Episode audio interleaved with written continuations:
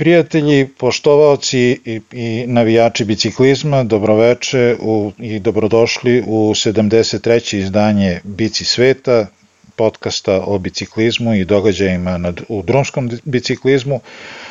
Kao što možete da primetite, večeras nastupamo u malo izmenjenom sastavu u skraćenom izdanju. Đorđe zbog neodložnih nekih obaveza večeras ne može da snima sa nama, ali kasnije ćemo čuti i njegovo mišljenje o održanoj trci E3 Saxo Bank.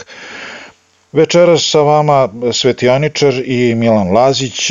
Milan kao i do sad otvara ovaj podcast spiskom i rezultatima sa mnogobrojnih trka imali smo jedan od najburnijih i najzauzetijih vikenda i praktično cele nedelje, jako puno trka je bilo i probat ćemo da možda ne sve, ali da one najvažnije momente prokomentarišemo zajedno sa vama. Hvala Peđa na najavi, pozdrav svima i sa moje strane. Kao što si rekao, gledali smo super trkanje ove nedelje, kao i prethodnik, ali ove nedelje se nekako usložnilo, usložnio raspored, pa smo imali dosta trka. Počet ćemo sa uh, stotom edicijom uh, trke oko Katalunje, uh, koja je ove godine imala uh, sedam etapa. Uh, prvu etapu pobedio je Kron Andreas, drugu etapu Denis, Rohan Denis pobeđuje individualni hronometar i pokazuje da i dalje zna da pobedi takve etape. Nakon toga imamo brdski cilj koji osvaja Adam Yates. Nakon toga Chavez pokazuje da, da nije sve rekao u biciklizmu i nakon one pobede sa Gira od pre dve godine ponovo uzvraća udarac i to ovaj, ispred e, sjajnog Ineosa koji je izvezao utrku kao u, u starom maniru. Nakon toga e, beg e, Leonarda Kamne e, podsjetio nas je na onaj Tour de France od prošle godine. A nakon njega, nakon tog dana, njegov timski kolega Peter Sagan konačno, konačno dolazi do pobede, prve pobede u ovoj sezoni. Ole, ole, ole, ole, ole. na, na radost manje više svih, svih ovaj, učesnika ovog podcasta, a verujem i mnogih od vas koji slušate. Pa evo, Sagan se kandiduje ovaj, za, za naredne trke, za narednu nedelju, za Ronde van Vlanderen, a sam kaže da nije, da nije baš stek, do, u najboljoj formi, no vidjet ćemo da li su to samo uh, komentari za medije ili je stvarno tako. A poslednju etapu na dobro poznatom krugu u Barceloni oko brda Montjuic uh, pobeđuje Thomas de Hent. Uh, uporedo sa trkom u Kataloniji imali smo i ne toliko poznatu jeli, etapnu trku u Italiji koja se koja nosi, nosi naziv Setimana Internacionale Kopije Bartali.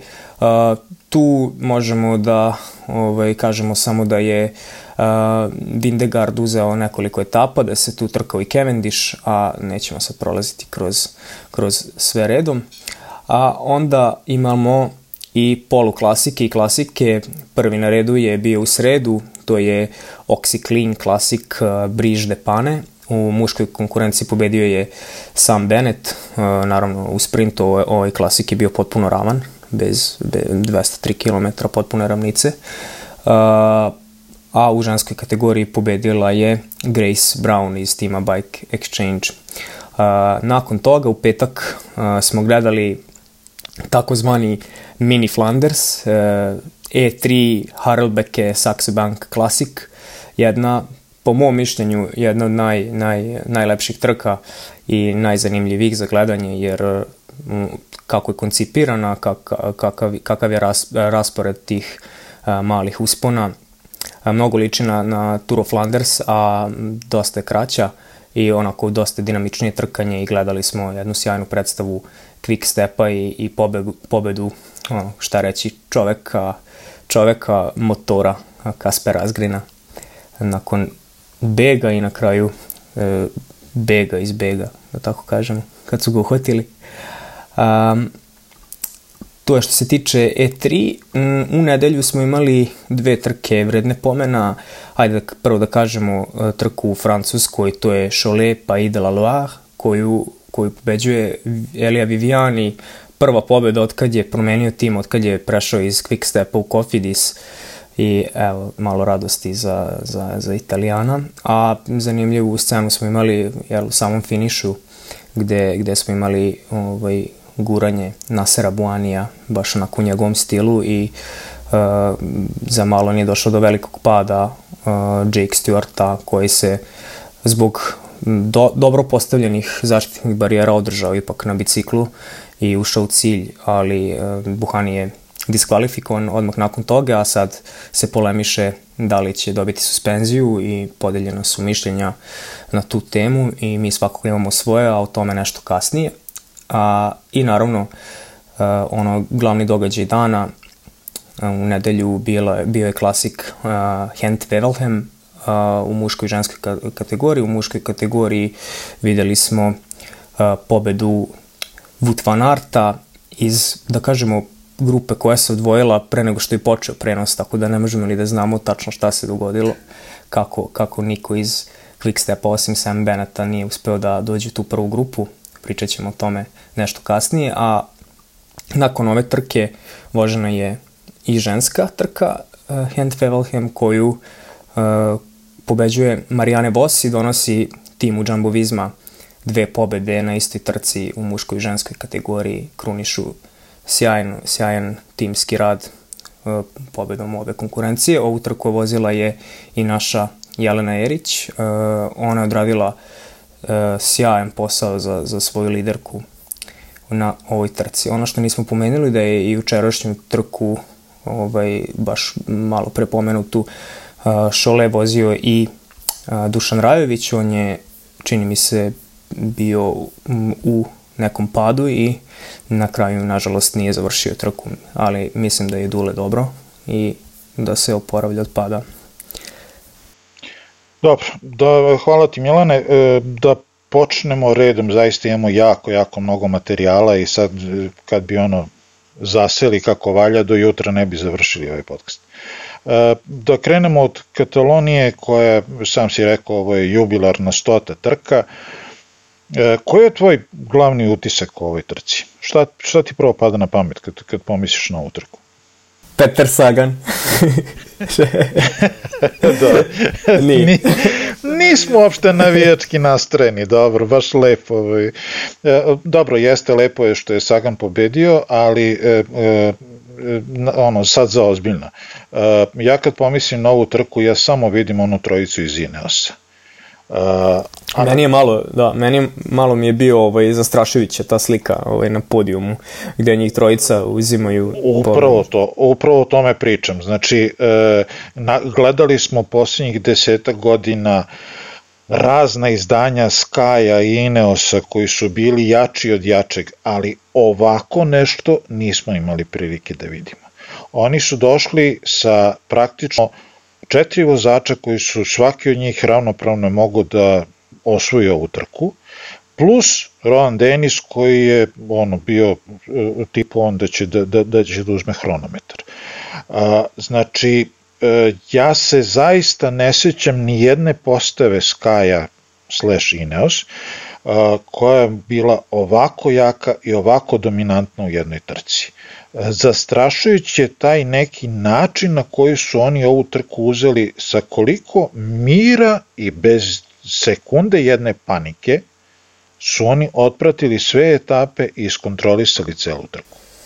Meni je samo ovaj, sve bilo jasno kada je uh, Richard Carapaz ovaj, na, čini mi se četvrtoj ili petoj etapi uh, imao neki problem sa, voza, sa menjačem i onda je ovaj, kao pomerio se iz grupe, a Tomas je odmah ono, ukočio, to jest nije ukočio, nego nije nastavio da vozi istim tempom kao Karapaz, nego je sačekao da se Karapaz vrati. Znači oni su lagano bili na toj trci sa, da kažemo, tri lidera, jer sa Portom, Tomasom i pobednikom Jejcom i niko od njih, apsolutno niko od njih nije hteo da, da imam utisak da niko ne bi uradio neki ogroman napor, čak i da je Jejcu bila ugrožena pozicija da, na kraju, da, ga, da je neko vio njega i da je došao blizu da ga stigne. Svako bi možda tu čak i za sebe vozio. Nisam siguran, oni, oni kao da vode neki ovaj, ne može se reći interni rat je malo gruba reč, ali verovatno je tu neka ovaj, borba koja će biti lideru na, na narednim trkama. Ovaj, tako da zanimljivo je svakako što su, što su Karapaz i Denis uh, pravili tempo na čelu grupe iz kog niko nije mogao da ode osim jel, ovaj, sjajnog Čaveza i za to, za to ima ogroman respekt kod mene. Tu je uh, baš ono što bi se reklo sreća, sreća, radost. Mi, Čavez ili najveći i najlepši osmeh u pelotonu je čovek koji zaista još od onog džira gde je prvo Krujsvik pao na, na, na, na onaj nizbradici i na kraju Nibali preuzeo celu trku, svima nam je prirastao za srce i tim nekim odnosom prema timu, prema trkanju, prema protivnicima. E, e, ja zaista za sve ove godine nisam nigde, čak ni neki nagoveštaj nekog loše komentara za njega, ni video ni čuo. I e, momak jeste jedan od najdražih vozača, za koga god da navijate, on kad se pojavi nekako navijate iza njega. I to što je ove godine na jednoj vrlo jakoj trci, pored jedne izuzetno jake ekipe i boga mi konkurencije mimo Ineosa koja je bila na Kataloniji, osvojio tu etapu i to način na koji je osvojio meni je samo ono i meni donao osmeh na lici i zaista sam ceo taj dan bio ekstra srećan zbog toga. To što si pomenuo e, za, za taj tihi rat ili kako se već, kako već to definisati e, e, u Ineosu, to je očigledno neminovnost, to je nešto što se provlačilo u, svim varijantama gde si imao više od jednog ovaj, kapitena ili prvog čoveka tima, to smo imali prilike da vidimo e, nekoliko glumovi staru, e, e, Landa, Valverde, Quintana, taj njihov famozni trozubac koji na kraju ništa nije napravio, gde je Quintana tek po izlasku iz Movi Stara rekao da mu je tek sad laknulo, više nije mogo da, da, da vozi i da živi pod takvim jednim pritiskom da ti moraš praktično da, da jednim oko gledaš tvoje suvozače koji bi trebali da budu uz tebe, a u stvari u svakom deliću sekunde mogu da se okrenu protiv tebe. E, takođe, e, nije blagonaklono bilo e, e, gledanje ni e, između sa i, i Fruma, 2000, kad je Tomas još na proleće govorio ja idem na Tour de France da uzmem Tour de France pa nek, nek radi ko šta hoće. A, A sve je počelo još od Viginsa i Fruma. E, to je, po, da, to je posebna priča, to je znači, taj stalno, oni stalno imaju uh, viška vozača, u smislu imaju toliko dobrih vozača da, da, za generalni plasman da je premalo trka da svaki od njih dobije neku značajnu trku, veliku trku i stalno ulaze u te neke makaze, uh, oni su super prošli godinama jer Porte nije imao ništa protiv da radi za Fruma, posle toga uh, Wood Pous je, je ekstra dobro radio za Fruma, imali, tu su bili mirni, međutim uh, kako je prolazilo vreme tako je Geran Thomas hteo da, da uradi nešto u životu, na kraju krajeva uspe, osvojio taj jedan Tour de France, Sledeći Tour de France mu je igrom slučaja izmakao je Bernali iskoristio tu priliku koja se ukazala zbog prekida one etape kad, kad je već nastala. Ali e, to što se dešava sad u Ineosu možda je još i strašnije e, kad ti znaš da oni jedan drugog ne mirišu, jedan drugome vrebaju grešku, a opet kad izađu na drum niko ne može da ih stigne. Niko, niko im ništa ne može. A pazite, ko, a ko im radi, ko izlače u trojicu uz brdo? Pobednik Đira, znači ono, Richard Carapaz e, njih e, vuče i spaja, spaja sve moguće napade. I sad, kad kažete ko, ko su sve kao ovaj, pretendenti za generalni plasman u, u timu Ineos, ajde da ih sve nabrojimo. To je, ajde, kandidovo se Adam Yates, imamo Rich Porta, imamo Geran Thomasa, imamo Bernala, imamo Karapaza. To je pet vozača koji su u stanju neki malo više, neki malo manje, ali da, da osvoje uh, Grand Tour ili ako ništa drugo da budu na podijumu Grand Tour trke. To je o, ogromana količina zvezda u jednom timu i ono, srećno, srećno sa tim ove sezone. to, je, to je sve što mogu da kažem. Pa ne, to ti je kao da si napunio tim centarforima, tako da svi hoće da idu daju gol, niko neće igra odbranu. Ove, ovaj, tu će, ne zaboravi da oni imaju još i dugu listu, e, nisi pomenuo Tea, da, koji je da. čovjek osvojio Điro. A, nisi malog Sivakova koji što će u jednom trenutku reći čekaj, hoću ja da vozim nešto značajno. Pa malog Sosu koji... Sosa osvojio ovaj Provansu, da. Je kapacitet. čovjek, čovjek koji je kapacitet. Znači, oni tih pet glavnih, oni imaju barem još pet onih koji su ono, ajde, prvi do glavnih. Tako da za dve, tri godine, ako ne, ne proradi neka velika metla, e, da, da, da se malo i rastereti, rastereti neki salary cap, pošto ajde njima to nije neki veliki problem pare, ali opet to guranje imaju oni ti, ti dosta sad tih vozača koji su preko 30 godina, ovaj, Počistit će njih slovenačka metla ovog leta. Ne, ne bi smeo se zakunem, ali dobro, mislim, na kraju krajeva e, onaj ko će sigurno profitirati iz cele priče smo mi koji smo s druge strane ekrana i uživat ćemo u trkanju, to je koji jedan i jedan. E, a da li ćemo uživati? O, ovo što su sad pokazali se kosi s onim što je rekao jel, Dave, Brec, Dave Brec, Brecford, kako se zove, da ćemo gledati ove godine drugačiji Neos, i Neos koji će da se trka onako kako bi i on želao da gleda. Ovo, ovo nije bilo to. Pazi, oni ove godine, bukvalno na kraju kraja, Adam Yates kao glavni pretendent ode i dobije etapu. Uh, uh, uh, oni su ove godine Pa jedino da su ono da su skidali po jedan točak sebi i da su trčali pored drugih. Jer oni su uradili ono, oni čak nisu imali taj neki klasični voz na koji smo navikli ranije. Znači ono poređa se sedam ljudi za redom i ti sad imaš crnu liniju koja vuče na početku pelotona. A, bilo je prostora, ako možda voziš brže od mene, vozi. Znači nisu oni ni na koji način a, forsirali to. Ne, niko nije kriv što u drugim ekipama nema boljih hronometraša od Roana Denisa, mogu je neko drugi da uzme tu etapu, nije mora Roan Denis. A, a, ono što, a, kažem, eto, imali smo prilike da vidimo Adama i, i u prethodnim izdanjima, čovjek se trka. Problem sa njim je ono što kaže Đorđe, evo sad da, da ga citiram u njegovom odsustvu, braća Yates, Adam je naštimovan na klasike, Simon na, na Grand Tourove Međutim, sad jedan put Adam dolazi kao neki pretendent za neku veliku trku. Ono što mi takođe pada u oči, ali a ovo me sad baš ubolo u oko, to je braće Yates na hronometru gde koliko ima, ima tri meseca kako su praktično zvanično razdvojeni prvi put, e, gde je Adam na 11 km hronometra ili koliko je već bila dugačka staza, ima 35 sekundi bolji rezultat od brata. 11 km, 35 sekundi. Mnogo je, brate. Da, pa videli smo da Simon nije u nekoj formi, ono, videli smo da, da, da jedva drži u suštini grupu pozadi, nije, nije mogao uošte da se takmiči. Ja, prvi moment kad je napao ovaj Chavez na toj etapi koju je pobedio Yates, ja sam mislio da napada Simon i onda sam, zapravo sam se obradovao kad sam vidio da je, da je Esteban. Recimo, to je jedan od redkih dublova koji se pojavljuju u, u pelotonu koji funkcioniše. Simon Yates i Chavez. E, oni, ne, oni nemaju problem da rade jedan za drugog, nemaju problem da vuku jedan drugog kad je potrebno i nemaju problem da jedan pusti drugog da, da pobedi kad, kad se ne osjeća dobro. Mi imamo utisak da njih dvojice imaju najzdraviju taj neki odnos. E, došli smo sa podjednakim pretenzijama, pa sad ko, bude, ko se bolje osjeća, neka uzme pobedu ako može da se uzme pobedu.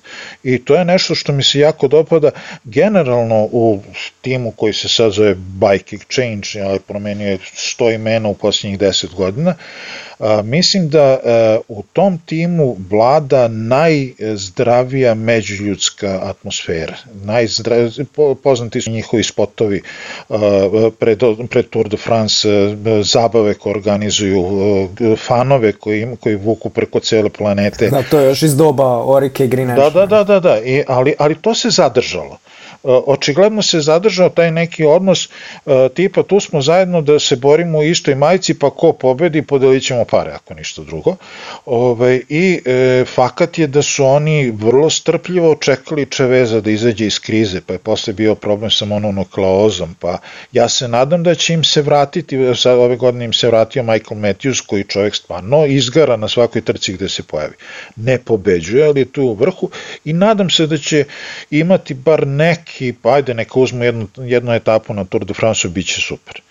Nego da se vratimo na, na samu trku na Kataloniju, uh, pomenuli smo svijetu, uh, jako nam je drago da je Sagan pobedio, Ja sam nešto očekivao da će možda da napadne i prvu etapu, međutim, očigledno ono što je sam rekao da nije on još uvek na, na, na, u nekom, na nekoj zavitnoj fizičkoj e, formi, s obzirom da u prvoj etapi bio jedan cilj druge, jedan prve kategorije, to je ipak bilo previše da se izvuče u nekom žešćem ritmu, ali kad je došla etapa koja je pravljena za njega, onda je uradio ono što se od njega očekivalo. Treba bi ruku na srce priznati, nije imao skoro nikakvu konkurenciju, jer e, lista sprintera je bila ta na ta na ta na, mislim da je samo Jose Luis Lobato ovaj, bio jedan od, od spri, klasičnih sprintera, ostalo su bili manje više ne sad ružno reći druga kategorija, ali opet Dara Limpi koji je znao da pobeđuje i na ovakvim etapama i koji je radio i odličan lead out za Michael Matthewsa i za, posle za ovog Keleba Juana dok je bio u Oriki dole, on je bio drugi, moglo se desiti u samom finišu da zatvore Sagana, da čak da ne može da prođe, u posljednji čas se provoku između dva vozača, ali kad si prošao, onda već sve ostalo bilo samo egzekucija, ništa specijalno. Pa da, nema, svi, svi sprinteri su otišli u Belgiju. Samo pa je da. Sagan pobegao na toplije. Da. I e, trka se za, po mom ukusu završila na jedan vrlo lep način. Toma de Gent je jedan isto od ljudi, koje svi volimo, koji je čovjek pola svoje karijere proveo u begovima i e, definitivno nadmudrio Mohorića. E, definitivno nije se folirao, nije se ne znam šta, kad je, bilo, kad je bilo spuštanje, on očigledno čovjek spor, loše je spuštao od Mohorića, Mohorić je jedan od trojice po meni najboljih spuštača na, na, na, na, u pelotonu i e, to što je Mohorić odlučivo stalno da ga čeka na dnu spusta da idu zajedno, to je njegova odluka, bilo vjerojatno bi je računo da će tako da, e, e, da zajedno dođu i da lakše dođu do, do, do kraja i da će na kraju da sprinta Dehenta, ali Dehent je iskoristio jedini trenutak u kojem je bolji, na poslednjem usponu, na onih 16 stepeni, je ostavio daleko iza sebe Mohorića, mislim na kraju je bilo 20 i nešto sekundi razlike, ove, i osvoje, jeste Mohorić, ajde da kažem, naš, pošto mi smo, ove, volimo da, da, da su sve naši koji su iz Komšiluka, pa i Mohorić, a, i pratimo ga još iz vremena kad je osvajao svetska prvenstva u juniorima i under 23, ali ovaj put je pametniji, iskusniji Dehent dobio etapu. Da, svakog sjajna pobjeda. Pa ne znam da li nekome ovaj, nije drago zbog, zbog kada, kada, nek, kada neki veteran, ono, legenda osvoji, osvoji ovakvu etapu. Je, mene je začudilo ovaj, kako, kako su oni uopšte iskrali tu i ovaj, vidim da nisam, nisam ni ispratio celu etapu ovaj, kako treba, ali čini se da, da, je, da, je, da, da je, kao što ti kažeš, lepo nadmudrio Mohorića. Vrlo, ja sam gledao ovaj, u, u vrem, praktično sam odgledao svaki metar e, prenosa. E, kad su njih dvojica otišli napred, e, vrlo često nisu ni bili u kadru, tako da a, oni su te krugove koji se voda, voze oko Monžika vozio u jednom tempu koji je bio praktično nedostižan za, za, za ljude koji su bili u drugoj grupi. U, i vrlo brzo su se složili, ajde da menjamo, da, da guramo što je dalje moguće beg, znači nije bilo zabušavanje, nije bilo sakrivanja, nije bilo ovaj, krađe ni, ni, ni vremena, ni, ni snage, baš su radili kako treba i ono što je padalo u oči na svakom spuštenju niz brdo, e, Mohorić ode 50-100 metara ispred Dehenta i onda kad siđe dole u, ravnicu, onda ga sačeka da dođe pa da nastave da menjaju. Znalo se da će da to ne može da, da, tako traje, da ide do kraja, da, da, da Hent apsolutno nema nikakve šanse ukoliko zajedno dođu u, u, u ciljnu ravninu, da nema nikakve šanse da sprinte protiv Mohorića, da nešto mora da uradi pre toga i uradio je jedino što je, u stvari, jedino što je mogao da proba da uradi, na kraju mu se to isplatilo. To je, a, s druge strane, uh, Pitanje je zašto u pretposlednjem krugu Mohorić kad je već mogo na nizbrodici da ostavi Dehenta, zašto ga je čekao, on je obe titule svetskog prvaka upravo na, ovaj, na, na taj način osvojio što, se, što je pobegao na, na posljednjim spustovima i odlazi u begove dugačke 15-20 km, znači nije, no, nema taj problem da, da u jednom hronometraškom modu izveze poprilično velike razdaljine. Zašto to nije uradio, to najbolje on zna. E sad, ovo, kažem, bit ćemo svi srećni zbog, zbog tome i nek samo nastavi tako. A na prethodnoj etapi, pre ove pobede Sagana, pobeđuje sjajni Kamna, Kemna. E, zaboravili, smo, zaboravili smo njega da pomenemo, to jeste. Eto, koliko smo bili skeptični oko toga, ja sam bio skeptičan oko toga kako Bora nastupa i šta Bora radi ove godine i zašto Bora uopšte izlazi na trke kad ne radi ništa kako treba. Uh, I na Paris Nici smo rekli samo zbog zahvaljujući skupu neverovatnih malera i propusta jumbovizme u vezi ovaj, Rogliča, na kraju je ovaj, Bora uzela celu trku praktično ne radići ništa. Ovde ispostavio se da na Kataloniji, u Kataloniji osim e, pobednika Ineosa, Bora možda bude super zadovoljna jer su uzeli dve etape. E, I ono što imponuje to je da je Kemna isto kao i prošle godine na Tour de France, kao što si pomenuo, e, e, etapu dobio iz jednog jako dugog kasnog bega.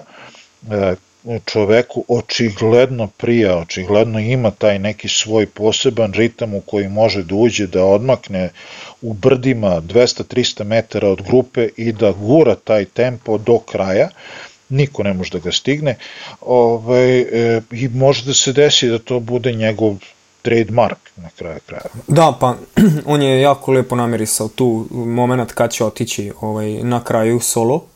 To je baš slično bilo nešto polu nizbrdo, ovaj, kao, baš kao i na turu. I, i meni je jako simpatičan momak, ovaj, tako da e, super, super, super je ovaj, što je mislim da je on čak i u super tuku onom ovaj, vozio, jel? Deo, deo tog spusta, što je već sad kao zabranjeno ili nije zabranjeno? Zabranjeno od 1. aprila. Od 1. aprila, da. Eto, znači, znači, sve, što ste se vozili, što ste se vozili na zabranjene načine do 1. aprila za par dana, a onda slede drakonske kazne. Da, a znači, ono, to je bio omaž Supertuku ovaj, od strane i Mohorića i Kemne. Tako da, što smo, što smo gledali što smo gledali. A vidjet ćemo koliko će se poštovati, koliko će uopšte, ovaj, kakve će uopšte kazne biti, da li će biti samo novčane ili će biti ovaj, vremenske? Ja mislim da će biti uh, veliki, uh, negde sam pročitao da će biti vremenski, veliki vremenski penali i velike uh, novčane kazne. Znači ne ono 200 fra, švajcarskih franaka tamti vamti, nego ono par hiljada. Tako da će se ozbiljno zamisliti, a sad koliko će E, neki vozači uspeti da u sebi uguše taj instinkt da, da automatski prelaze u takav položaj kad idu na velike nizbrdici i, velike, i pri velikim brzinama, ne znam, ali će definitivno mnogo toga morati da se menja, pa sad vidjet ćemo kako će to da ide.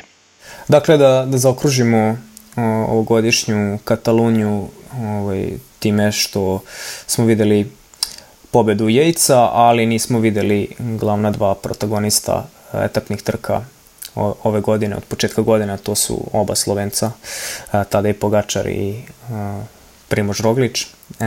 Kako će se to odvijati u narodnom periodu, jedva čekam da vidim, ali eto, videli smo novog pobednika na etapnoj trci, a da nije jedan od ove dvojice, s tim da je Roglič nije ni pobedio Nicu, ali kao da jeste.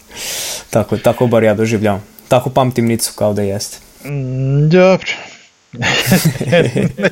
ne, ja nažalost pamtim Nicu po, po tom velikom razočarenju.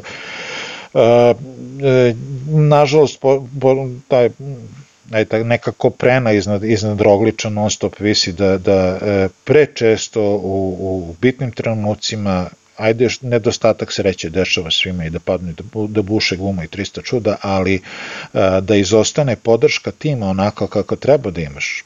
To meni se, to, ne da mi se ne sviđa, nego baš ono već sad već postaje e, bolno vidljivo da, da, da možda, možda, možda bi trebao neki drugi tim i neki bolji tim ili ako ništa drugo bar ekipa koja u kolima prati trke i umbovizme treba bude malo drugačija i bolje. Kad smo već kod tima, šta reći za uh, E3 trku koju pobeđuje quick step onako silovito iz, taktikom iz učbenika, što bi se reklo? E, ajde prvo da čujemo šta Đorđe ima da kaže ovaj, o trci E3 odsvrnuo bih se odmah na trku E3 Saxo Bank koja je pokazala kako je to uh, Dekoni Quick Step uh, super jak. Uh, Lazić i Predrag će to bolje objasniti, ali samo da, da ukažem na jednu sitnu, uh, sitan detalj, a to je da kad su stigli Azgrena, a, niko nije tražio njega da da menja, on kao seo je pozadi, oni su prolazili kroz mene, kao je sad nam opasnost preti od e, Štibara i ko je bio tu Senešel još u grupi. E pa, društvo nije, Asgren je taj koji je išao 50 km solo, uhvatili ste ga i još 5 km solo može da, da izgura. I taman je odmorio u fijakeru pozadi, tako da uh, super su ovo odradili jer definitivno nisu njihovi momci pojedinačno toliko jači od svih ostalih koliko ih brojno ima više i to je odličan poker koji su odradili i postavili sve vozače koji su mogli u tu situaciju. Vidjeli smo posle da Štibar, od kog smo svi mislili da preti najveća opasnost, ipak nije mogao da otprinta putama na Arta. Senešel je bio taj, ali Senešel nije mogao da ide solo, tako da obećava Flandriju, super Flandriju narednog vikenda, jer će opet biti uh, šahovska partija između Quickstepa i ove dvojice Galaktikosa, kako ih mnogo zove, gladijatora, Vot van Arta i Matthew Van Der Poola. Toliko od mene za ovo javljanje. Pozdrav! Ok, ajde sad mi da nastavimo sa, sa hvalospevima i kritikama i želji pozdravi i čestitke. Uh, Uh, ono što smo pričali privatno u Kuckavić se posle te trke, oko te trke, uh, ne jednom rečeno, uh, Quick Step, koliko Ineos trenutno deluje zastrašujuće u trkama za generalni plasman, Quick Step deluje isto tako u svim mogućim drugim trkama.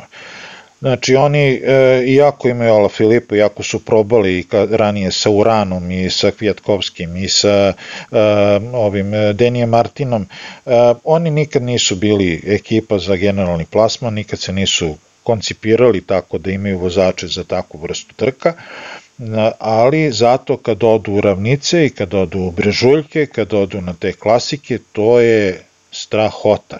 E, je, zaista je zbunjujući, baš bi volao da čujem i da, da, da, da e, neko objašnjenje ili neku izjavu u vezi e, posljednje trke koju smo gledali Hand Favelgem, gde njihovi, njihovih vozača nije bilo u značajnoj ulozi na, u vrhu trke, sve druge trke koje gledamo, Ako je beg, barem jedan čovjek uh, quick step je u begu.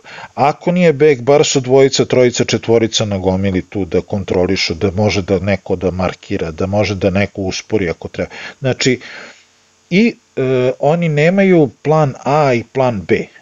Oni imaju plan i C, i D, i E, i koliko god hoće, dok je posljednjeg vozača u dresu quick stepa, zna se šta taj vozač treba da radi.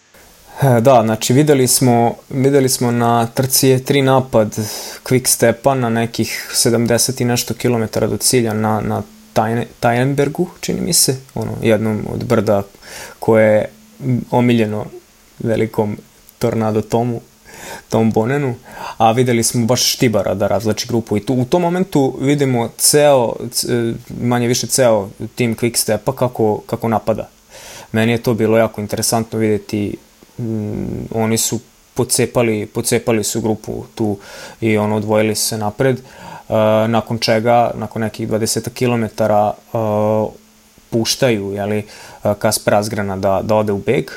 A, međutim, to je, to je već po mom mišljenju bilo vrlo opasno, a, jer ako nekog ne želite u begu, to je, to je Asgren, a to se kasnije ispostavlja kao tačno, jer on je njih a, jako, jako namučio ovaj, da, i Matthew Van Der Pola i Wout Van Arta, pa čak i ajde ovu dvojicu ovaj, iz Citroena AG Desert, Grega Van Avermata, Avermata i, i Nasena, i, da. Nasena, da. Nasena, s tim da oni nisu toliko jel radili, ali, ali dečko, dečko ide kao mašina, ja, ja stvarno nemam reči.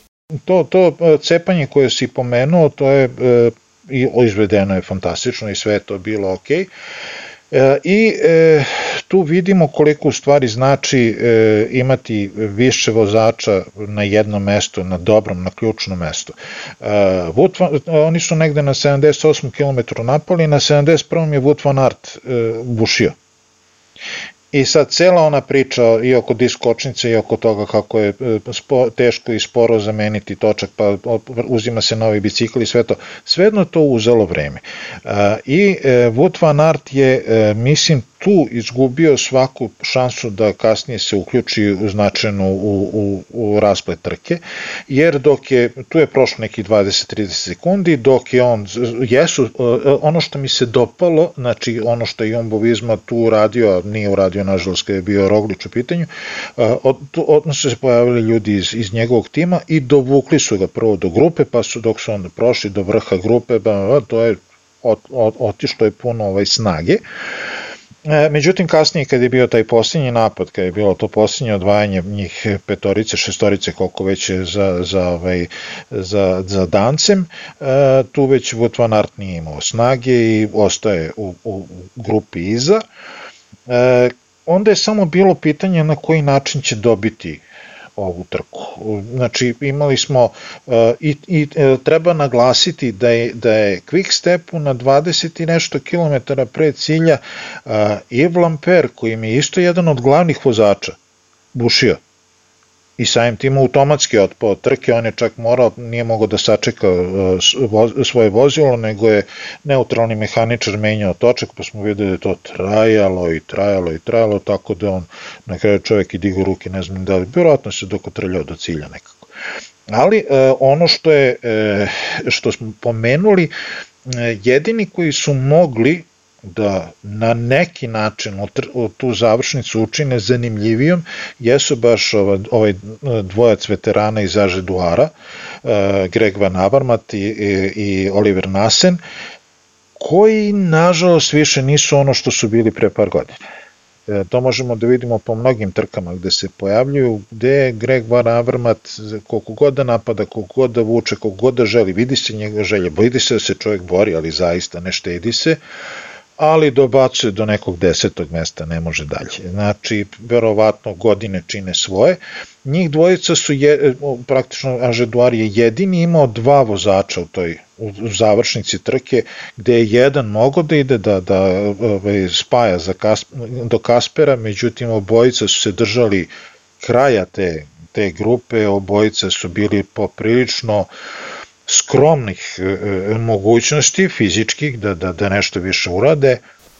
Ja mislim da, da ja izviniš, ovaj, ja mislim da, da, da su tu pogrešili u suštini ovaj, Van der Poel i Van Aert što nisu, što nisu malo uh, pritegli pritegli konce toj grupi i naterali ovaj, ovu dvojicu ili bar jednog od njih dvojice da spaju, jer vi kad imate uh, quick step koji ima vozača napred, a imate tim koji ima dva vozača, ovaj, jel Nasena i Ivana Vermeta, sasvim je logično da će jedan, jedan ako ništa da pomogne u toj, ovaj, tom, tom vijenju, a oni su eto opet na čelu proveli ja ne znam koliko kilometara sa, sa, sa strašnim ovaj, čeonim vetrom. Uh, šta znači čeoni vetar kad ste vi napred, to znači za ovog iza velika ušteda. Znači Štibar, Štibar posle tog napada na Tajembergu, on, on je sedeo na točkovima, do, dovezao se do samog cilja bez da je ono potrošio toliko energije koliko su potrošili Van Aert i Van der Poel. Čak i, čak i napad koji je usledio na ovom Tigenbergu, I tu nisu imali šanse, čak se i tu oseti ta prednost ovaj, uh, čelnog vetra, iako je to i brdo, ono nije toliko strmo. Ovaj, oni nikako nisu mogli da odu jer su ovi markirali ovaj, sve točkove. Ono, tu je jel, Van Art čak i ono napravio grešku ili kako god to nazvati što je otišao prerano. To jest ne prerano preduboko, je otišao u tom napadu, ali jednostavno tu tu kad, tu kad nisu otresli bar jednog iz quick stepa, tu se znalo da, da, je, da je trka gotova i da, da ovo neće, neće ponoviti greške iz prošlosti, da će ovo da ono konvertuju u pobedu. Tako da ja sam malo razočaran, razočaran što, što mi nije bilo jasno od, od početka da li je Van Avermet uh, vozač na ko, koji je ono kao prvi pik ili je to Nasen. Uh, nekako su se njih dvojica ponašali kao da, kao da ne postoji nekakva taktika. Ove, a videli smo u nedelju vrlo jasnu stvar, ono gde, gde Van Aert ima svog vozača koji mu manje više pobeđuje trku na kraju. Uh, tako da moglo je možda čak malo drugačije biti, ali pored svega toga ovo je bukvalno primer iz učbenika kako, kako pobediti ove, ove ja sam gledao i mislim da je bilo Koron, Brussel Koron ili koja već beše trka kad su pre dosta godina kad su otišli napred e, trojice iz tadašnjeg Quick Stepa, Tom Bonen je bio Nirki Terstre i ne sjećam se treći koji je bio od njih i Jan Stanard. I tad je prvi i posljednji put se desilo da Quick Step napravi ne znam kakav gaf, da napravi ne znam kakvu glupost, da je Jan Stanard na kraju pobedio, što je za prešpašćenje za sve bilo. Znači, to je da, omlop, omlop 2014. E, ovaj, da, ovaj, e, nisam mogu da se setim koja je trka bila u pitanju, ali to je ono verovatno u učbenicima e, napisano tako ne treba da se radi i nemoj tako više da radite i oni više to ne rade. Znači, e, ne postoji verovatno bolje organizovana ekipa za kvarenje potere. Znači, oni su non stop tu na drugom, u stanu dvojica na drugo i treće mesto, mi ništa ne menjamo, mi vozimo svoj tempo, a ti ako hoćeš da se menjaš onim prvim, ti izvoli pa vozi 10 metara napred, 10 metara nazad, gubi ritam, gubi snagu, a mi vozimo svoj tempo, ne kočimo te ništa, ima širok drum pored, možeš da prođeš. Da, imali su, imali su i one primere ovaj, klasičnog tog, ono, quick step trkanja, kad je neko napred, gde, gde pred te, eh, te brgove, brda, izlaze, sprintaju da dođu na čelo grupe i kako, kako kako skrenu na, ne, na neki uži putić tako uspore, ono da je niko, da onda moraju ovi da potroše više snage da ih obiđu i to je, to je već, to su stari trikovi. Možeš da, možeš da staviš kuću, možeš da staviš kuću i manje na 99% trka na kojima učestvuje Quick Step, a učestvuje Formite Bože na svim, a, to je da a, ako im je jedan čovek napred i ako je pod, vetar, na primjer, pocepa peloton na 3-4 dela, na vrhu svakog od delova će biti po jedan čovek Quick Step. Znači, nema veze što je to treća grupa i što nema ni teoretske šanse više da dostigne vrhu. Oni imaju jednog čoveka tamo koji je pri vrhu grupe u prvih 2, 3, 4 se muvao tu gore, da bude pod kontrolom i taj deo pelotona. Znači, bukvalno su strašno, ponekad ono, baš da, da ih gledaš sa mržnjom kako, kako vozi. E, bilo je nekoliko pitanja na Twitteru a što e, e, Matthew Van Der Poel nije hrabrije napao i što nije jače napao. Pa upravo to što si i sam si rekao, ajde da ide probamo da, da, da objasnimo ljudima da neke zakone fizike u biciklizmu. Kad je čeoni vetar, čovek koji vozi iza tebe, štedi ponekad i do 30% snage. Znači, mogo je Matthew Van Der Poel verovatno da se napeo i da stigne do Kaspera, ali kad bi stigao do Kaspera, on bi zajedno sa, sa sobom dovukao još dvojicu iz uh, Quick Stepa koji bi bili neuporedivo odmorniji od njega. Ništa ne bi dobio, samo Kasper možda ne bi osvojio trku, ovaj, ovaj trku, osvojio bi neko drugi od, iz Quick Stepa jer Matthew Van Der Poel dok bi došao, dok bi prespojio tu razliku koja je bila u jednom trenutku i poprilična, verovatno bi potrošio posljednji atom snage. I onda probao je jedan put, ako ti ne možeš da preseliš do, do onoga napred, a da ne vučeš za sobom celu tu grupu koja se, će odmah da se šlepa za tebe, znači ako nisi toliko jači od njih i brži i startniji da ih ostaviš na nekoj uzbrdici i da odeš sam, nema svrhe da pokušaš i ovako.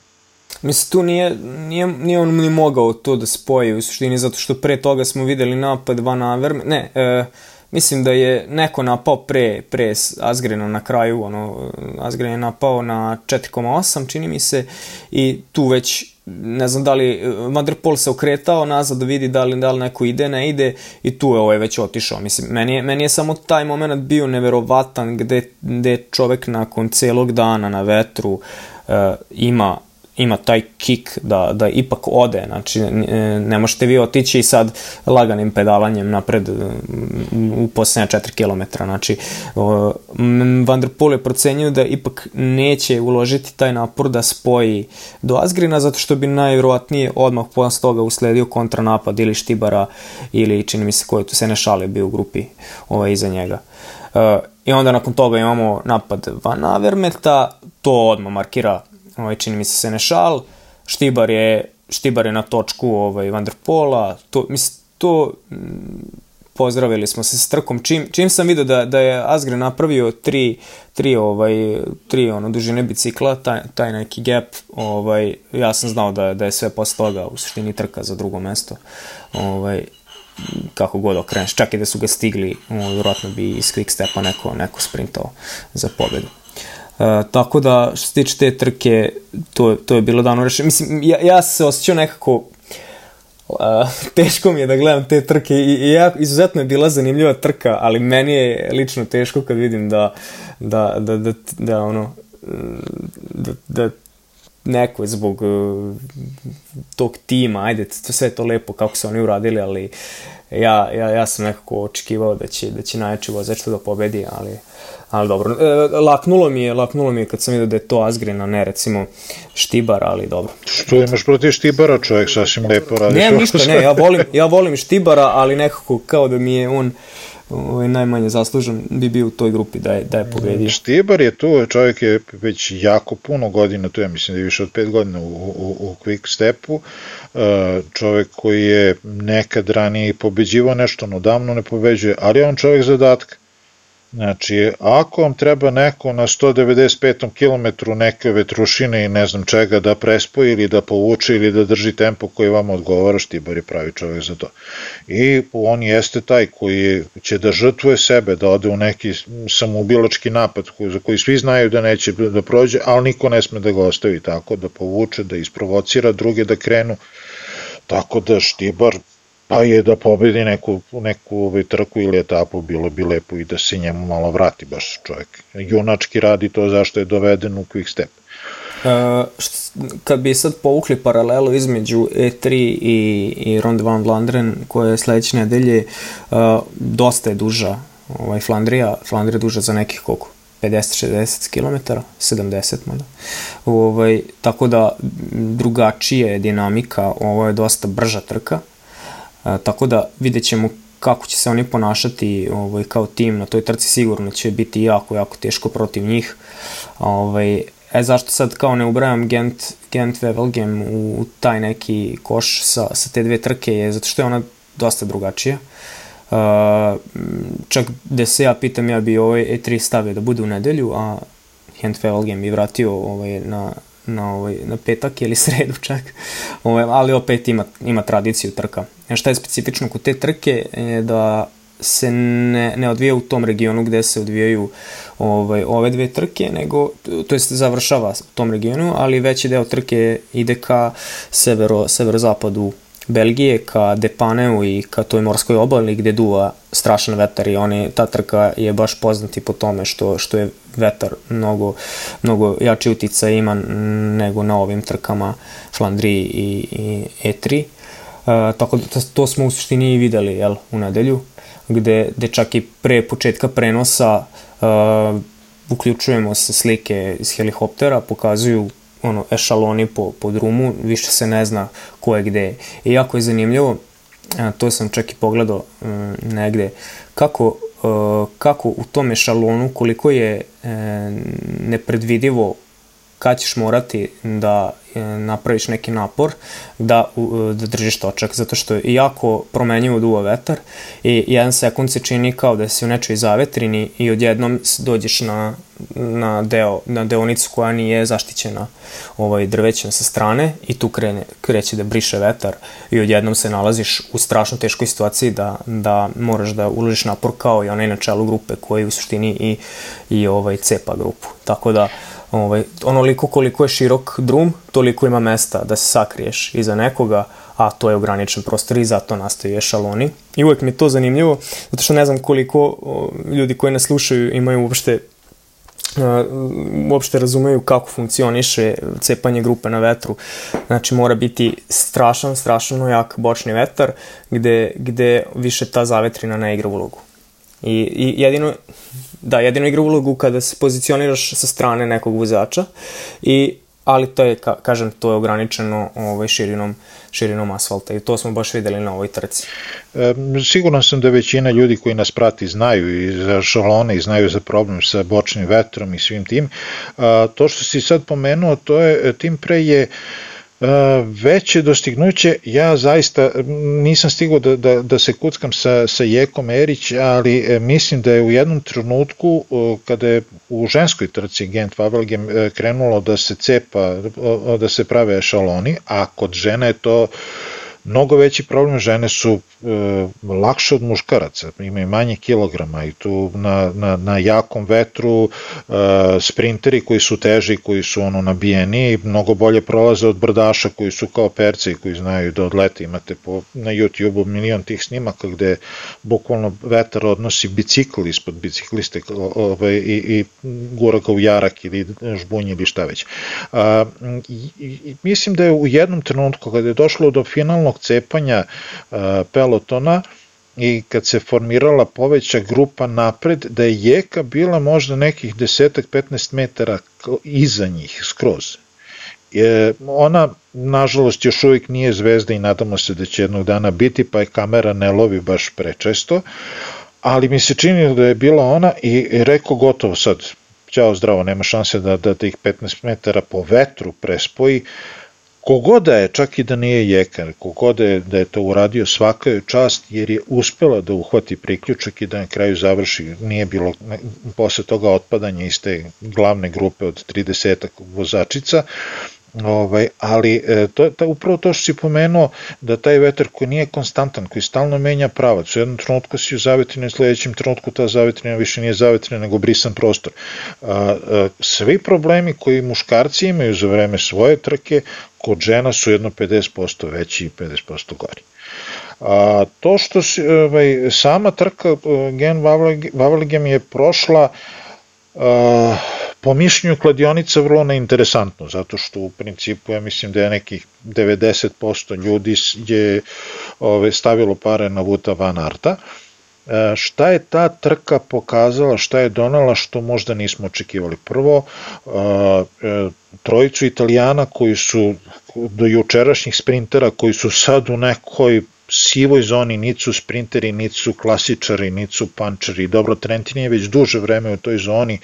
Nicole je aktualni evropski prvak, pa moraš da budeš uh, uh, malo uh, više estrano talentovan, ne možeš samo da ideš na, na, na, ovaj, na, na sprinteve. Colbrelli isto već neko vreme se gura čas u sprintu, čas u ovaj, ali njih trojica su uzeli drugo, treće i četvrto mesto što je bilo baš ono prijetno iznenađenje, ali opet i donekle malo sramota za njih u jednoj trci koja jeste klasik, koja jeste duga, jeste vetra i sve to, ima sprint završnicu, a vas trojica sprintera niste uzeli ni jedan nije uzeo.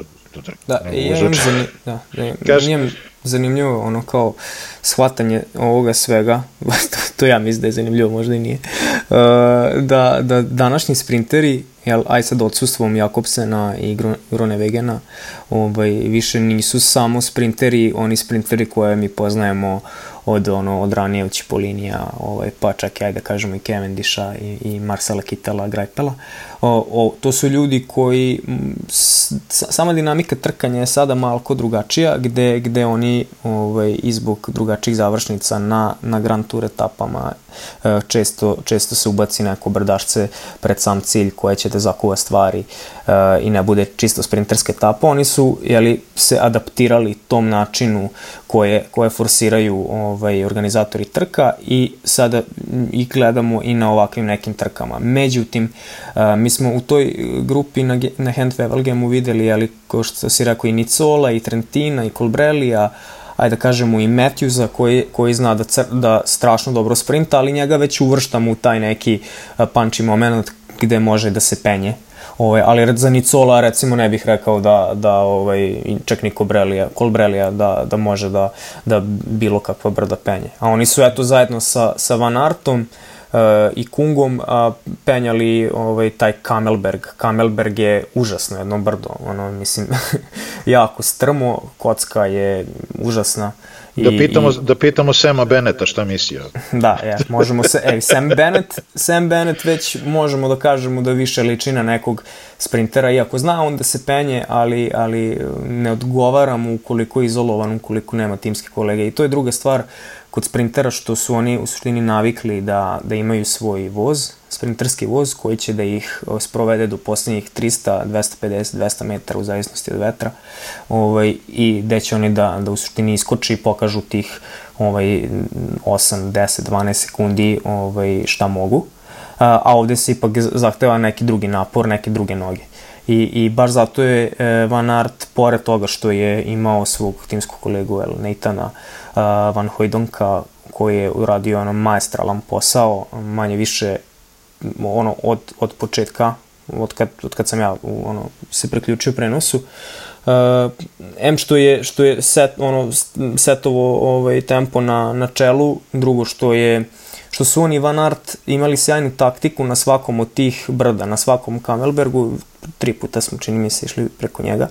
Oni su ovaj, Hoj, Van, Van Hojdonk je kretao da vozi na čelu, onda se sklanjao gde bi Van Aert taman toliko pojačao tempo da, na, da ovaj, malo povredi Beneta i iza ekipu sprintera, a uh, Hojdonk je nekako ovaj, držao, držao tu priključak i vraćao se na onom tehničkom spustu, a videli smo da, da spust vozi fantastično.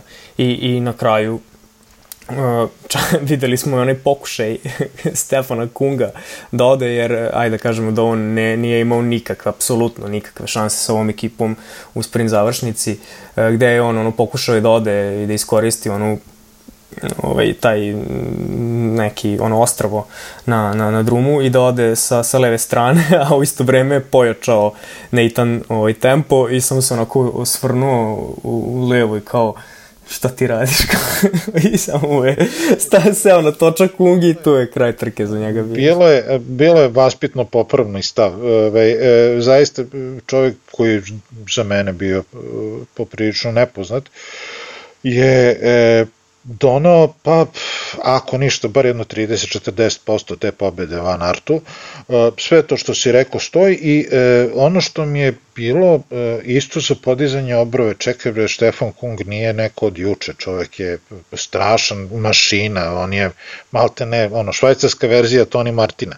Ove, ovaj, i on čovjek krene u napad, a ovaj iz sedišta, čak i ne primetiš da se ono, da su mu se nešto bar ma, malo da se nago napred, da su nešto ramena, ne, on je kao da čovjek krenuo na izgled i kao, aha, dobro, ti ćeš sad dovoziš, ne znam, 50 na sad, dobro, evo ja ću 51, samo da ti pravim društvo. I ovaj, i bukvalno je odradio taj, znači, Van Art koji je isto nešto u stvari niko ne može da sad kaže u, kakvu grupu vozača bi Van Arta smestili, ali ako je trebalo da se uradi lead out, urađen je lead out kako treba i ono što Van Art ima što nema niko drugi koliko mi se čini, on bez ikakvih problema i vrlo uspešno i procentualno jako dobro napada svrha Znači, njemu, njemu nije presudno da ga neko dovede na 150-200 metara od cilja, da bude u njegovoj zavetrini, da se skloni da sad on izleti. Ne, on će sam sa 300 metara ili 250-200 da krene s vrha, da on krene u sprint i vrlo često, evo, trojicu italijanskih, ajde ih nazovemo polusprinterima, ajde, ovaj, zajedno, zajedno sa Matthewsom, za koji, koji je do pre par godina ovakva završnica trke je bila njegova završnica. On isto je kao i Sagan voli te završnice na blagoj uzbrdici, znači posle jako dugih iscrpljujućih trka, on je njih, eto, četvoricu onako u paketu ostavio, mogo je za malo, mogo da ima da i, i, i još jedno vreme. Da, pa, e, htio sam samo da, da, da kažem da je specifično i tipično za, za Van Arte i, i pa i Van der Pula što mogu da, da održe taj nivo sprinta dosta duže. Ovaj, a čak se nekad malo i precene pa kao što smo videli na, na Sanremu i prerano Matthew krene da sprinta, ali je tipično da, da se ne boje da napadnu sa čela baš to što kažeš, zato što ovaj, znaju da mogu da izdrže i duže od tog nekog tipičnog sprinta u prilično jakom tempu. Znači da naprave tu neku inicijalnu razliku koja će napraviti, uh, koja ukoliko neko ne očekuje napad tako rano, napraviti određenu razliku koja mora da se spoji pre nego što zapravo i obiđu obiđu ovaj, to, njega napred. Tako da, mislim, pored, pored e, maestralne vožnje i Hoj, Van Hojdonka i ovo je super, super sprint završnica Van Arta, jer nije lako sprint, sprintati ova tri italijana, kao što si rekao, i Matthewsa, ovaj, koji, koji su već dokazani sprinteri. Ali eto, puko zna koji put Van Art uspeva i za to kapa dole.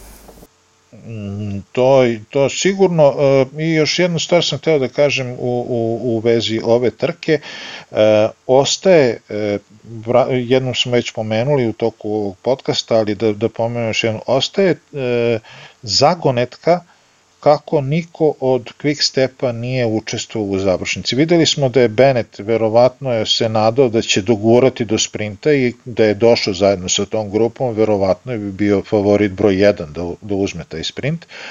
A, ali e, videli smo da je njemu užasno teško pao ovaj, sva, sva, svi prelasi preko brda, na kraju smo ja se ne sjećam kad sam posljednji put video u, u živom prenosu da vozač povraća sa bicikla.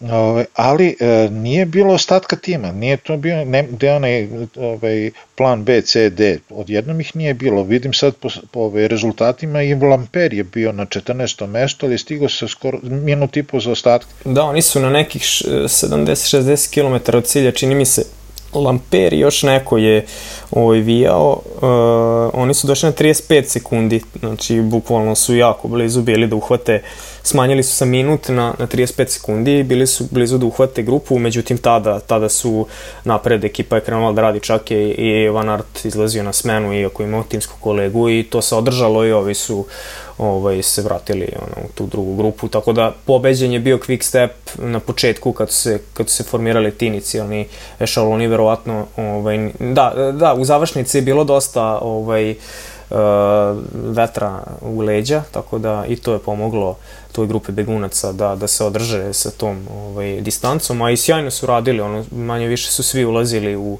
u rotaciju i, i tako su ono, došli do cilja. Uh, Imao sam još nešto da kažem, samo sam sad već zaboravio. Možda nije toliko ni bitno. U svakom slučaju, ova, ova trka Gent Favelgem je pokazala za razliku od trke E3, gde smo videli jedan superioran, superioran super snažni quick step, Već par dana kasnije smo videli quick step koji, kojeg nema, znači koji se raspao, koji god da je razlog što e, pokazuje i to da oni nisu nepobedivi, hvala Bogu, a, i da e, su e, karte možemo kasnije da, da kad budemo završavali podcast da kažemo par reči o sledećem vikendu i Flandriji pa da vidimo kakve su neke procene i prognoze, ali u svakom slučaju e, da rezimiramo što se Quick Stepa tiče. Kada im ide kako treba, nepobedivi su ali mogu da im se dese propusti i da ostanu praktično kratkih rukava, čak evo, u ovoj, ja se zaista ne sjećam u posljednji, kad, kad sam posljednji put gledao klasik, da u prvih deset vozača nije bio niko iz Quickstep. Da. Da, zanimljivo, zanimljiva, zanimljiva scena. Ja, ja sam odmah pomislio šta se dešava. A što se tiče, e, što se tiče ovog e, Beneta, on je izjavio nakon trke da je imao problema sa stomakom, to jest ka, on je sam kriv zbog toga jer je osjećao da gubi snagu i onda se prejeo gelova i prejeo se ovaj onih energetskih barova i poslednji prelazak preko uh, Kamelberga je ono uzrokovao da, da mu se sve to onako loše pomeša i ono videli smo da čak i povraća ono ovaj dok dva u dva navrata uh, i pušta na ravnom. A mislim, velik je to vozač, ali, ali eto, nije bio ovaj napor za njega.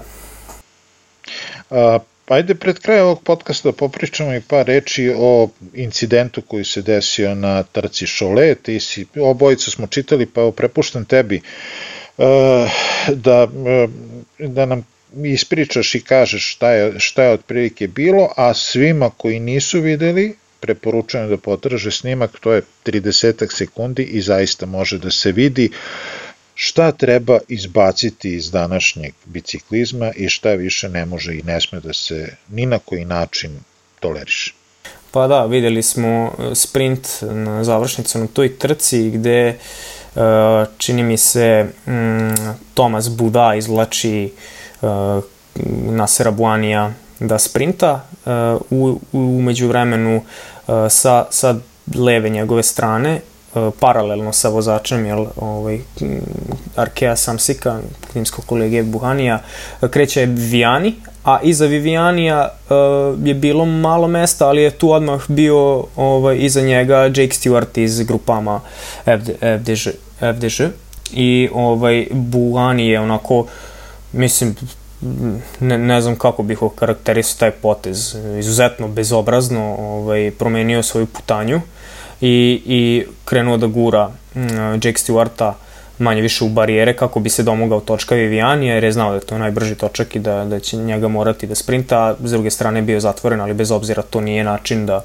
da stvarate sebi poziciju. I ono što je pomoglo u ovoj, ovoj situaciji što su bile dobre zaštitne barijere, ono pod uglom nagnute i sa, saman, i sa taman toliko ovaj, elastičnosti da, da ne, ne uzrukuju da vozač padne ukoliko se nasloni nežno na njih i Jake Stewart se ono sjajnim ono, mogućnostima da upravlja biciklom ostaje na dva točka i, i završava trku ne znam na kom mestu 20. Ovaj, a Buhani e, biva odmah diskvalifikovan. Međutim, ono što smo videli kao epilog je da je Jake Stewart okačio na Twitter, ovaj, tweetnuo je da je nakon cilja pokušao da dođe do, do Buanija, da ga pita koji je njegov problem, a da je Buani njemu štini odgovorio da da on nije imao respekta prema Buhaniju i da nema respekta zato što dolazi da mu se žali zbog toga.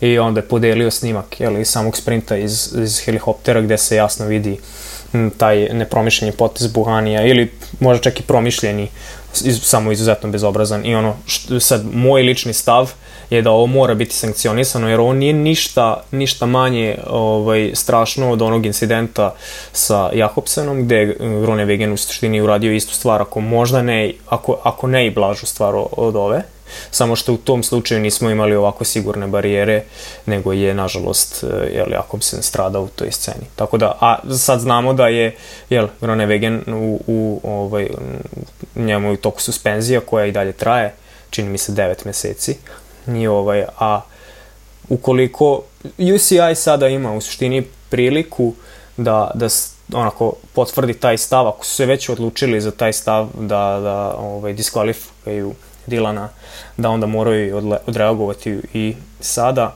i reći jednostavno napraviti ono ovaj, jasno staviti do znanja svim sprinterima da ovo nije način na koji se vozi i da, da će imati posledice ukoliko se ovako ponašaju u, u sprint završnici zato što može doći do katastrofalnih povreda.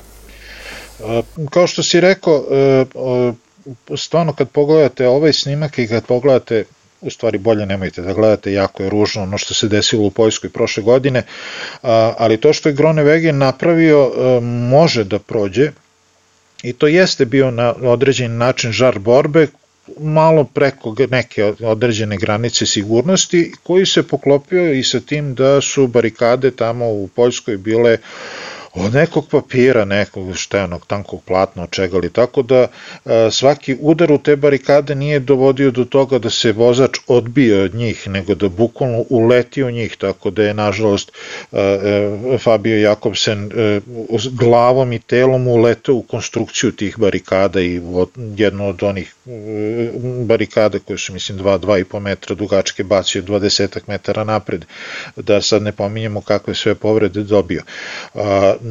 Na, ovom, na ovoj trci o kojoj pričamo, Buhani, e, ovo to, to više nije žar borbe. E, ja mislim da se čak može jasno videti namera da se uđe u čoveka koji ide sa leve strane.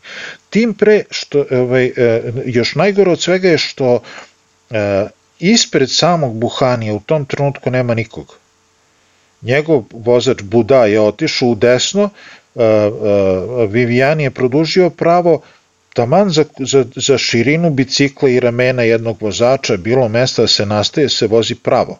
Ali Buhani je zacrtao sebi da će da uđe iza Vivijanija, to je posebno priča što je to na 10 metara od cilja, znači to je na trepte oka, ništa mu ne bi značilo ni da, ni da je uspeo da uđe.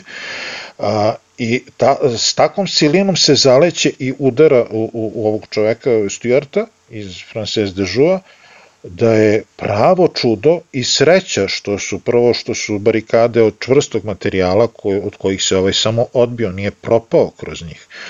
A, I e, onda sam taj e, e, koliko sad ulazim u tu zonu rekla kazala, da li mu je zaista Buhani rekao da, da e, Stuart nema poštovanja prema Buhaniju, alo za malo glavu da izgubimo tebe kao kakvom poštovanju pričaš, E, kad se sve to sabere, e, Buhani bi morao da bude kažnjen. Znači, morala bi da padne jedna teška suspenzija, barem šest meseci, ako ne i više, jer e, to je jedini način. To što je on diskvalifikovan svoje trke, njemu realno ne znači ništa. Njemu je, on već sedam godina juri formu, sedam godina juri pobede, pobeđuje na nekim malim no-name trkama.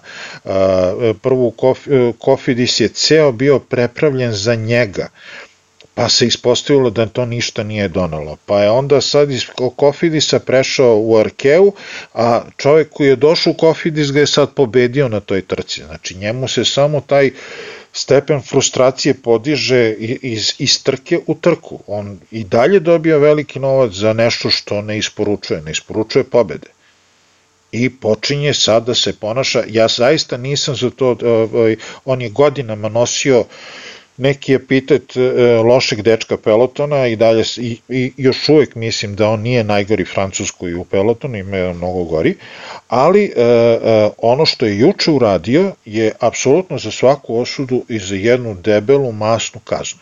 Jer e, neće se, e, to što UCI radi, što stalno pominjamo to kao primer, e, sad jedan put je najvažnija stvar na svetu koliko su ti visoke čarape alo prijatelju, daj da vidimo da ovo, da, da ljudi više ne gube glavu, da se ne povređuju, da, da ne stradaju, na kraju kraja svi smo mi oko malih ekrana i uz, i uz drumove uz, zbog tih biciklista. Njih prvo treba da zaštitimo, oni su srce biciklizma, pa sve ostalo. Ja, ja, bih, ja bih samo da, mislim da, da ne ispadnemo sad ok, oštri smo prema Buaniju, ali nije, nije njegova namera na kraju krajeva bila da, da zakuca ovaj, Jake Stewarta u barijeru tim laktom. To je, on, on se samo branio da on sam ne padne. Međutim, ono što je on pogrešio pre toga i što mora biti svestan kao sprinter je da tako nagla promena putanje ovaj, i gde on hteo da obiđe tog svog uh, lead out čoveka je jednostavno prouzrokuje to da neće da, da će poljuljati i i pored vozača ovaj koji koji ima svoju ono svoju putanju. I i to je problem bio i, i to se mora sankcionisati. O, ovo ovo je bio bila situacija koja je mogla da se završi padom ali imamo ovakvih situacija koje prođu bez pada ali se ništa ne desi. Tako da morat će UCI da obrati više pažnje i da, da, da diskvalifikuje čak i ako ne dođe blizu kao što je sad došlo blizu do pada, nego, nego i da, da radi ono proaktivno i rešava ove stvari u samom sprintu. Ok, verovatno, verovatno će Joel imati neko drugo mišljenje a možda i neće, ono, da je to sve sprint. Ovde, ovde bi sad ja mogu da nađem neka opravdanja za Buhanija, ali, ali mislim da mora biti svestan da, da, je, da je ipak ono, posledica koje, koje, koje su moguće ukoliko se odluči za tako agresivnu, za tako agresivnu promenu putanja. E, probat ću za sledeći put, kad bude i Đorđe tu, da možda, možda napravimo i neki ovaj podcast samo na tu temu, e, da nađem trku gde je Kristof Laporte, e, vozač Kofidisa koji je trebao da bude podrška Buhaniju, dok je Buhani još bio u Kofidisu, na kraju se ispostavilo da je malo po malo istiskivao Buhanija sa tog mesta prvog sprintera. U jednoj trci e, čoveka koji je vozio desno njega tako navuku da je čovek licem otkinuo celo, celo jedno, ovaj, ceo jedan deo ovaj, e, barikade. I posle više od pola sata većanja bio je više uživo snimak i dolazila su tu i hitna pomoć i ovaj, čoveka su prevezli u bolnicu, verovatno operacije zuba, 300 čuda, jer bukvalno je čovek u, u punoj sprinterskoj brzini, to je neki 70 na sat, uleteo licem u, u barikadu i pomerio celu jednu, jednu tablu. Ovaj, e, sudije su odlučili da Laport nije kriv i da mu ostaje ta pobeda i sve to. Lično, kad sam video ono i koliko put puta sam gledao kasnije i posle sam sebi crtao uh, linije ovakve onakve, ja sam video krivicu u Laportu. Uh, ono što uh, nikad neću uh, mislim, na, naravno, niko mene ne pita da li se meni nešto dopada ili ne, ali ja ne mogu da opravdam a, bilo kakav potez a, koji će da ugrozi nekog drugog. Znači, to što sam ja naumio da pobedim i što mi izmiče pobeda i što sam ja sad besan zbog toga, ni na, ni na koji način ne, mene ne može da opravda ako ja u, ne znam kakvoj želji i ne znam kakvom magnovenju ulećem u drugog čoveka, uopšte ne razmišljajući gde će taj čovek da završi. I e, te, taj neki, e, to ne može da bude deo sporta, ne može da bude deo ovakve priče. Nažalost ima mnogo i, i onih koji misle drugačije, ali dobro, sad kad budemo pustili ovaj podcast, vjerojatno će biti i komentara na tu temu. Nego, da završavamo ovaj podcast polako, e, kaži mi tvoje predviđenje neke razmišljanja o Flandriji. Bojim se quick stepa, a nadam se da ćemo imati onako uh, zanimljivo trkanje gde, gde, će, gde će i drugi timovi imati neku, neku reč pa to, to sigurno će biti zanimljivo, nego daj malo sad ti pa može da bude previše, previše diplomata, ajde sad. pa mislim ja navijam za, za Metiju, kako god okreneš, tako da ono, mislim da zaslužuje u Flandriju. Dobro, mene raduje što po prvi put posle jako, jako dugo vremena Sagan se pojavljuje kao jedan od favorita na portalima. Ne kao prvi, znači dalje su uh, prva tri glavna favorita po pisanju mnogih, u stvari po pisanju većine, Matthew Van Der Poel, Wout Van i, i ovaj, Ala Filip, ali se tu pojavljuje kao četvrti ili peti na tom spisku Sagan, što mene kao njegovog navijača jako raduje. Realno ne očekujem da će to da, da, da, da bude, ako bude u prvih deset ja ću biti srećan i to će za mene biti sasvim ok rezultat ali vidjet ćemo koji će, rezult, koji će scenario da prevlada. Poslednje brdo, poslednji uspon uglavnom odlučuju ko će da pobedi, ko ne. Slušajte nas i dalje, pratite nas na svim mogućim i nemogućim sredstvima. Ovaj, kaži, Milane, teo si da kaže. Da, hteo sam da kažem da još e, uvek nismo dobili potvrdu da će Pariru B biti otkazan i da će se tek u narednih nekoliko dana uh, zvanična odluka ovaj, uh, doneti. Uh, ono što, što sam negde pročitao i što se negde čuje sa strane da, da su veliki pregovori francuskih vlasti i organizatora trke uh, ASO-a da li, da li će doći do, do, do Pariru B-a ili ne, tako da postoje još neke male, male, male, male šanse da će ipak biti Paris Roubaix u tom nekom terminu uh, ranije predviđenom za drugu nedelju aprila, a ovaj, nama ono prosto je samo da se, da se nadamo tome. Ja sam pročitao da je ASO daje sve moguće i nemoguće garancije da neće biti publike na nekim od tih naj, najposećenijih delova staze. Ono, ja, meni, kad se pomene par rube, meni je Arenberg šuma ono, glavna ovaj, asocijacija. I danas sam nešto baš razmišljao kako će izgledati ta traka kako nema ljudi pored. Znači, nisam siguran, e, e, to oni koji e, prate futbol vrlo često kažu da im ništa ne znači to što se čuje sa zvučnika, žamor publike i svega toga kad nema živih ljudi na tribinama, Um, men... može, može i Pavle da nam kaže kako izgleda snukero ovaj, kada, kako, kako, kako Roni, kako Roni O'Sullivan igre kad nema publike i kad ima publike. e, to ćemo, Drugačije. evo Pavlo će čuti ovo pitanje. U svakom slučaju, ja se nešto ovaj, e, ni tamo ni vamo. E, volio bih da se održi trka, ali ako treba da biram trku sad bez publike ili trku na jesen sa publikom, ja bih radije odabrao onu jesenju varijantu. Za toliko mogu da se, da se pritrpim. Uh, jesmo završili za danas? Jesmo. E, dobro. Da pozdravim sve vas koji nas slušate i da vas pozovem da nas pratite na svim mogućim platformama na kojima se emituju podcasti, takođe i na našem YouTube kanalu. Ako niste do sad se uradili subscribe, izvolite uradite, besplatno je i čak i poželjno. A, hteo bih da ovom prilikom pozdravim Đorđa, da pozdravim Pavla koji će nas i ovog, ovog puta a, pomoći a, kao tehnička podrška u sklapanju i u pročišćavanju zvuka za ovaj podcast. I to bi uglavnom bilo to, budete pozdravljeni s moje strane. Hvala svima što nas slušate, ovaj, slobodno se uključite u diskusiju, uvek smo tu da odgovorimo, prokomentarišemo u sledećoj epizodi sve što, sve što poželite. Prijetno. Prijetno.